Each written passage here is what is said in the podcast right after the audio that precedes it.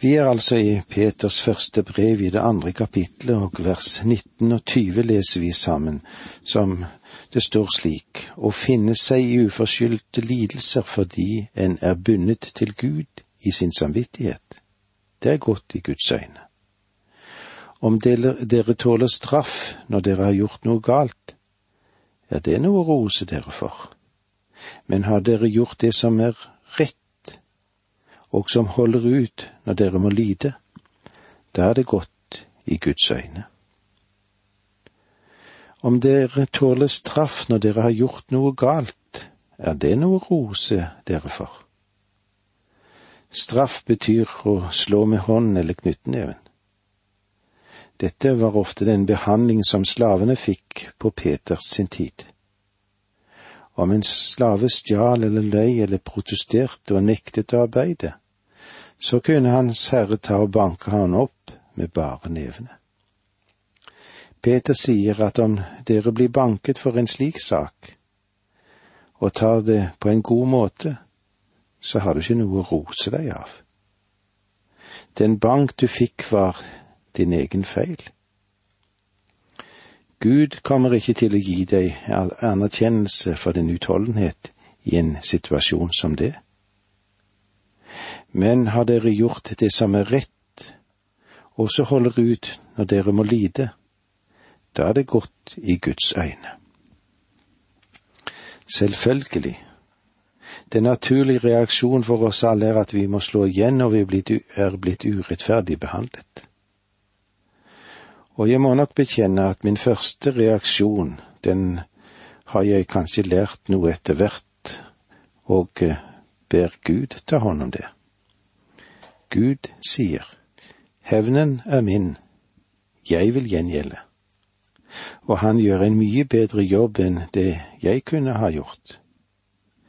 Jesus sa selv, Salig er dere når de for min skyld håner og forfølger dere, lyver på dere og snakker vondt om dere på alle vis. Gled og fry dere, for stor er den dønn dere har i himmelen, som det står i Matteus 5. Og Peter sier, det er godt i Guds øyne. Peter skriver ikke så mye før han vender tilbake til Jesus Kristus igjen og forteller om ham. Og her minner han oss om Kristi lidelse som er et eksempel for dette. Vi leser vers 21. Det var jo dette dere ble kalt til, for Kristus led for dere og etterlot dere et eksempel for at dere skulle følge hans spor. Han gjorde ingen synd, og det fantes ikke svik i hans munn. Da vår Herre Jesus Kristus var her på jorden, så bar han to typer lidelser. Han led som et menneske fordi han var menneskelik, og han led for rettferdighetens sak, men han led også for verdens synd. Hans lidelse for verdens synd er ikke et eksempel for oss. Det er vår forløsning, det. Det er noe vi tror, og noe som vi aksepterer. Men vi kan aldri kopiere dette eller imitere den. Men i sitt liv her nede etterlot han oss et eksempel. Under sine første 30 år i Nasaret så led han over å bli latterliggjort og misforstått som det står om i Salme 69. Og så begynte han sin offentlige tjeneste, og evangeliet forteller hvordan han led for rettferdighetens sak. Når du og jeg lider for vår tros skyld, så skal vi huske på at eksempelet han etterlot seg, det var viktig i denne forbindelse. Vers 23 Han skjelte ikke igjen når han ble utskjelt, han truet ikke når han led, men overlot sin sak til ham som dømmer rettferdig. Han lot sin far avslutte regnskapet. La meg igjen få lov til å minne dere om det som står i Romerbrevet 12,19. Ta ikke hevn, mine venner, men overlat straffen til Gud.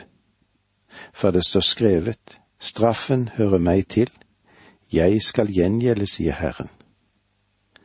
La oss tillate Gud å trekke slutningen og forestå konklusjonen, og han vil håndtere dette på den beste måten. Han skjelte ikke igjen når han ble utskjelt. Han truet ikke når han led, men overlot sin sak til ham som dømmer rettferdig.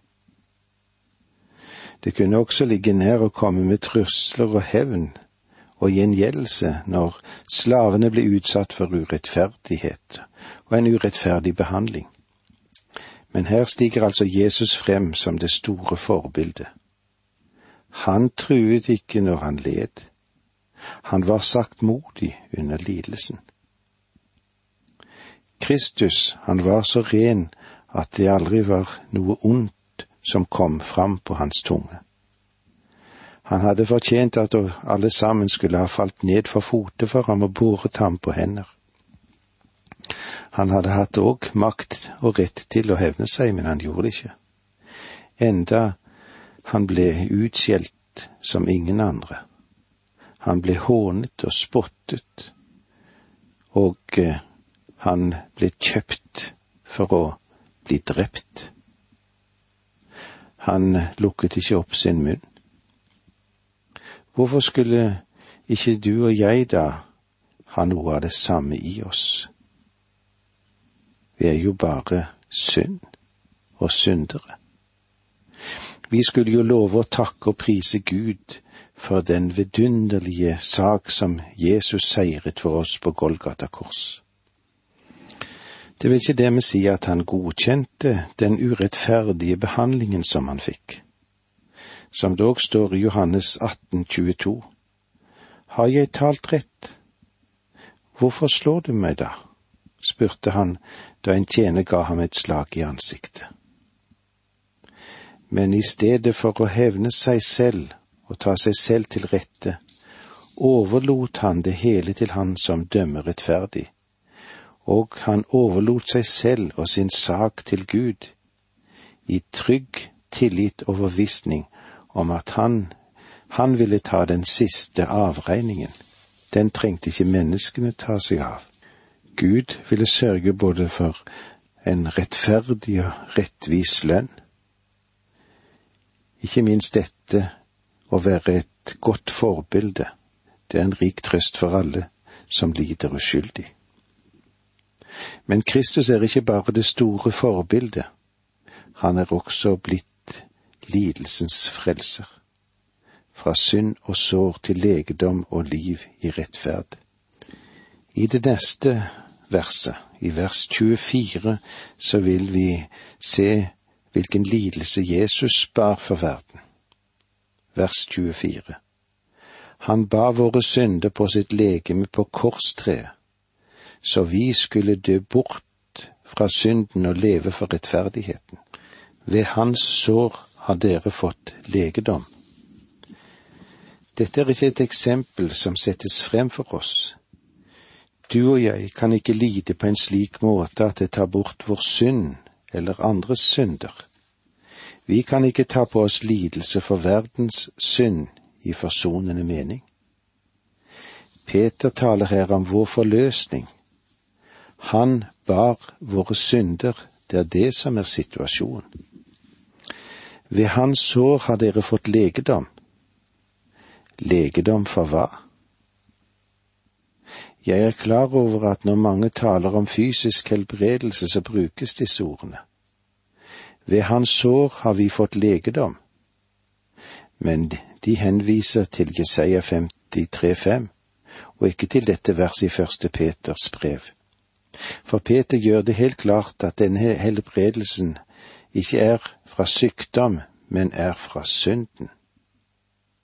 Og jeg er helt enig i at den Herre Jesus kom for å være den store lege, men hans hovedoppgave var helbredelse for synd. Ingen lege kan håndtere dette problemet på den samme måte som Jesus, og Peter sin bruk av ordene i Jesaja 53,5 forteller at profeten Jesaja talte ikke om i første rekke fysisk helbredelse, men om det som er viktigere og mer grunnleggende helbredelse fra synd. Men han ble besåret for våre overtredelser og knust for våre misgjerninger.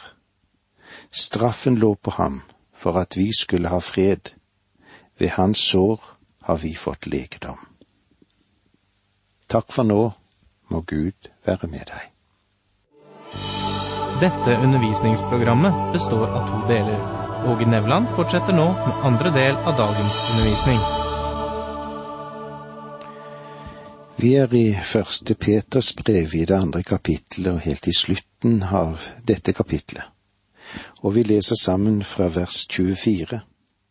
Han bar våre synder på sitt legeme på korstreet, så vi skulle dø bort fra synden og leve for rettferdigheten.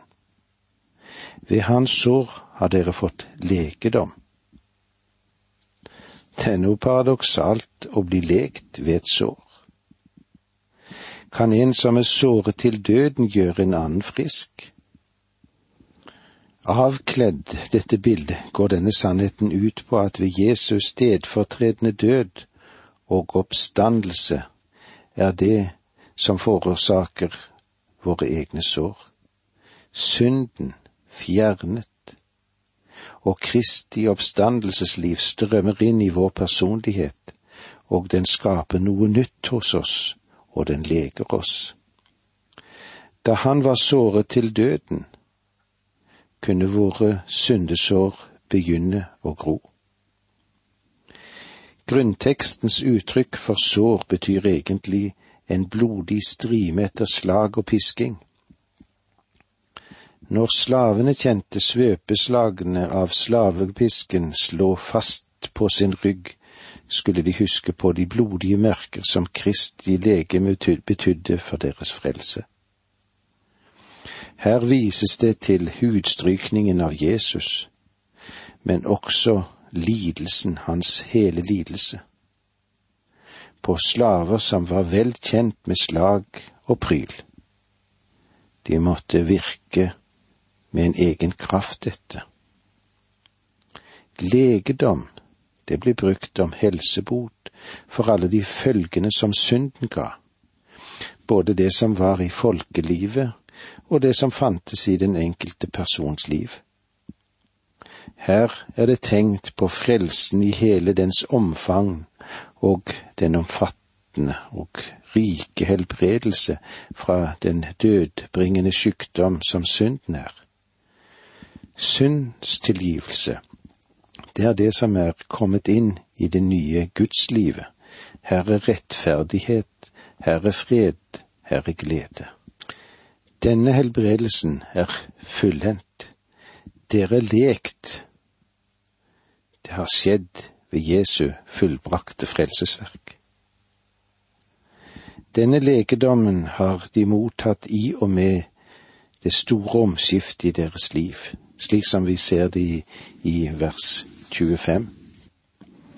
Dere var som bortkomne sauer men har nå vendt om til ham som er hyrde og tilsynsmann for deres sjeler.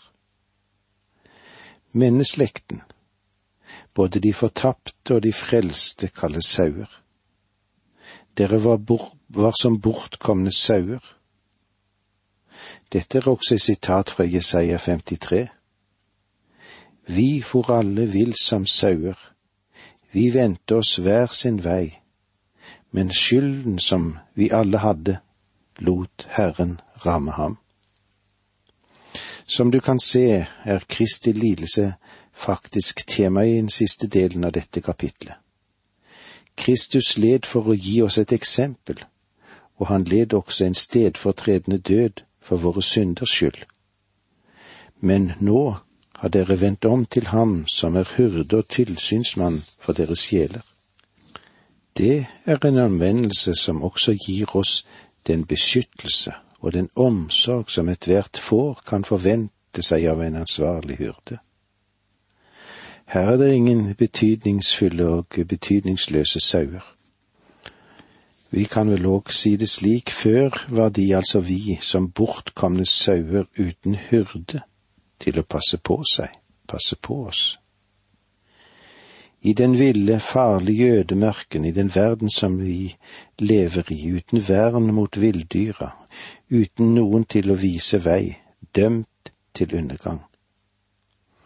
De levde i en religiøs vankunnighet og eh, moralsk forvillelse, og i et moralsk mørke.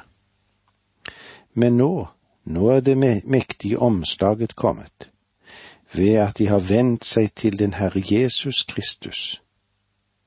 De har snudd ryggen til det tidligere gudløse liv og til det hedenske miljø, og vendt seg til den gode hyrden Jesus Kristus, han som først og fremst tar seg av sjelene. Det innerste hos oss, det vesentligste hos oss, og det viktigste som er i oss han gir sjelen legedom og næring, verner og fører omsorgsfullt tilsyn med oss alle sammen. Slavenes legemer er, som før, undergitt deres brutale herres lunefulle brutaliteter. Men eh, det egentlige livet, deres sanne selv, det er i hans hånd. Og med all den kjærlighet som finnes hos ham. Han våker over dem. Dere var som bortkamme sauer, men har nå vendt om til ham som er hyrde og tilsynsmann for deres sjeler.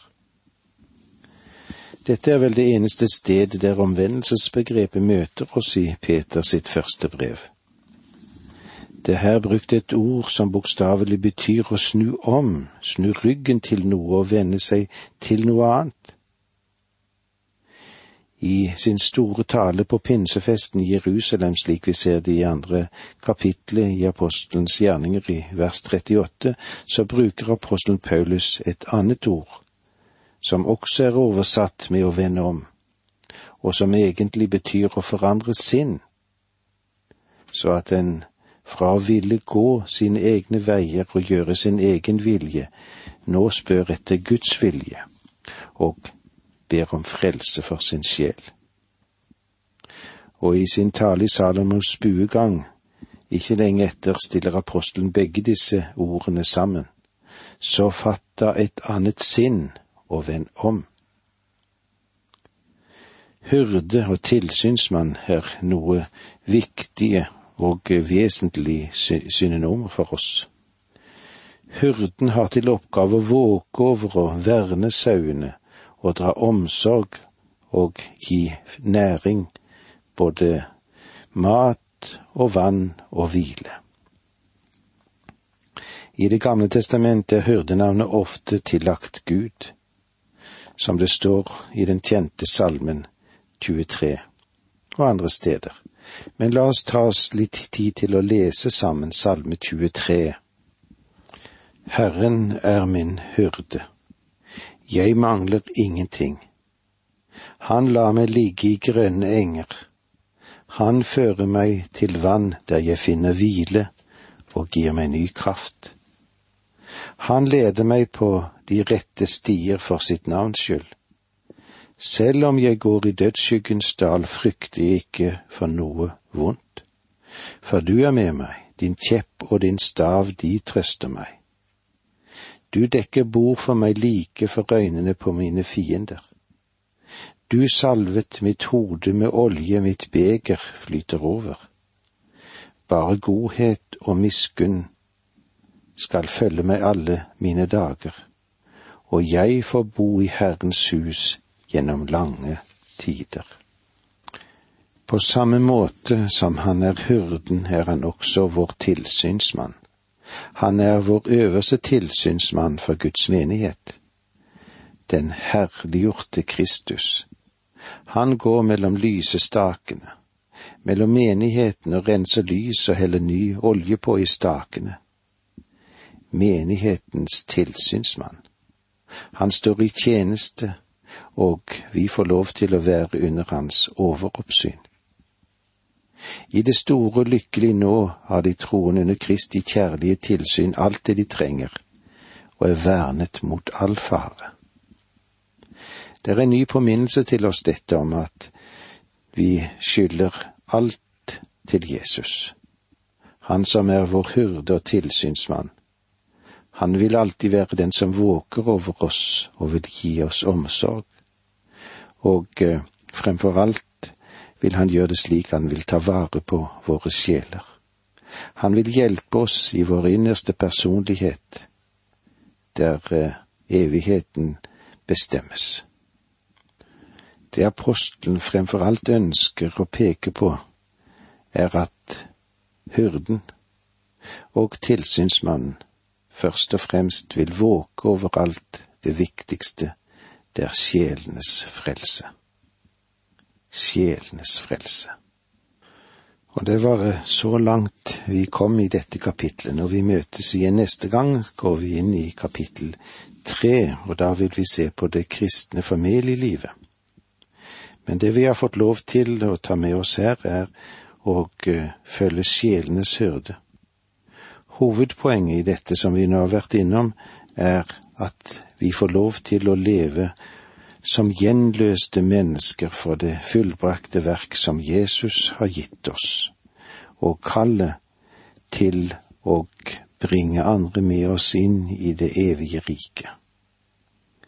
Måtte vi alle sammen be om at vi må bli bevart at vi får lov til å få mange med oss, og at vi får lov til å se frem mot den dagen som Jesus har forberedt for oss alle. Må så Guds nåde og fred være med deg.